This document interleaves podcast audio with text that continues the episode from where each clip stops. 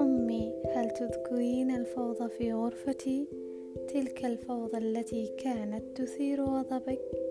ملابس خارج الخزانة حقائب مبعثرة منشفة فوق السرير وصناديق تحته. تلك الفوضى ذاتها داخلي ولكنها ليست فوضى أشيائي بل هي فوضى مشاعري. وأعجز عن ترتيبها ربما المشاعر ترتب المشاعر هل يمكنك أن تعانقيني؟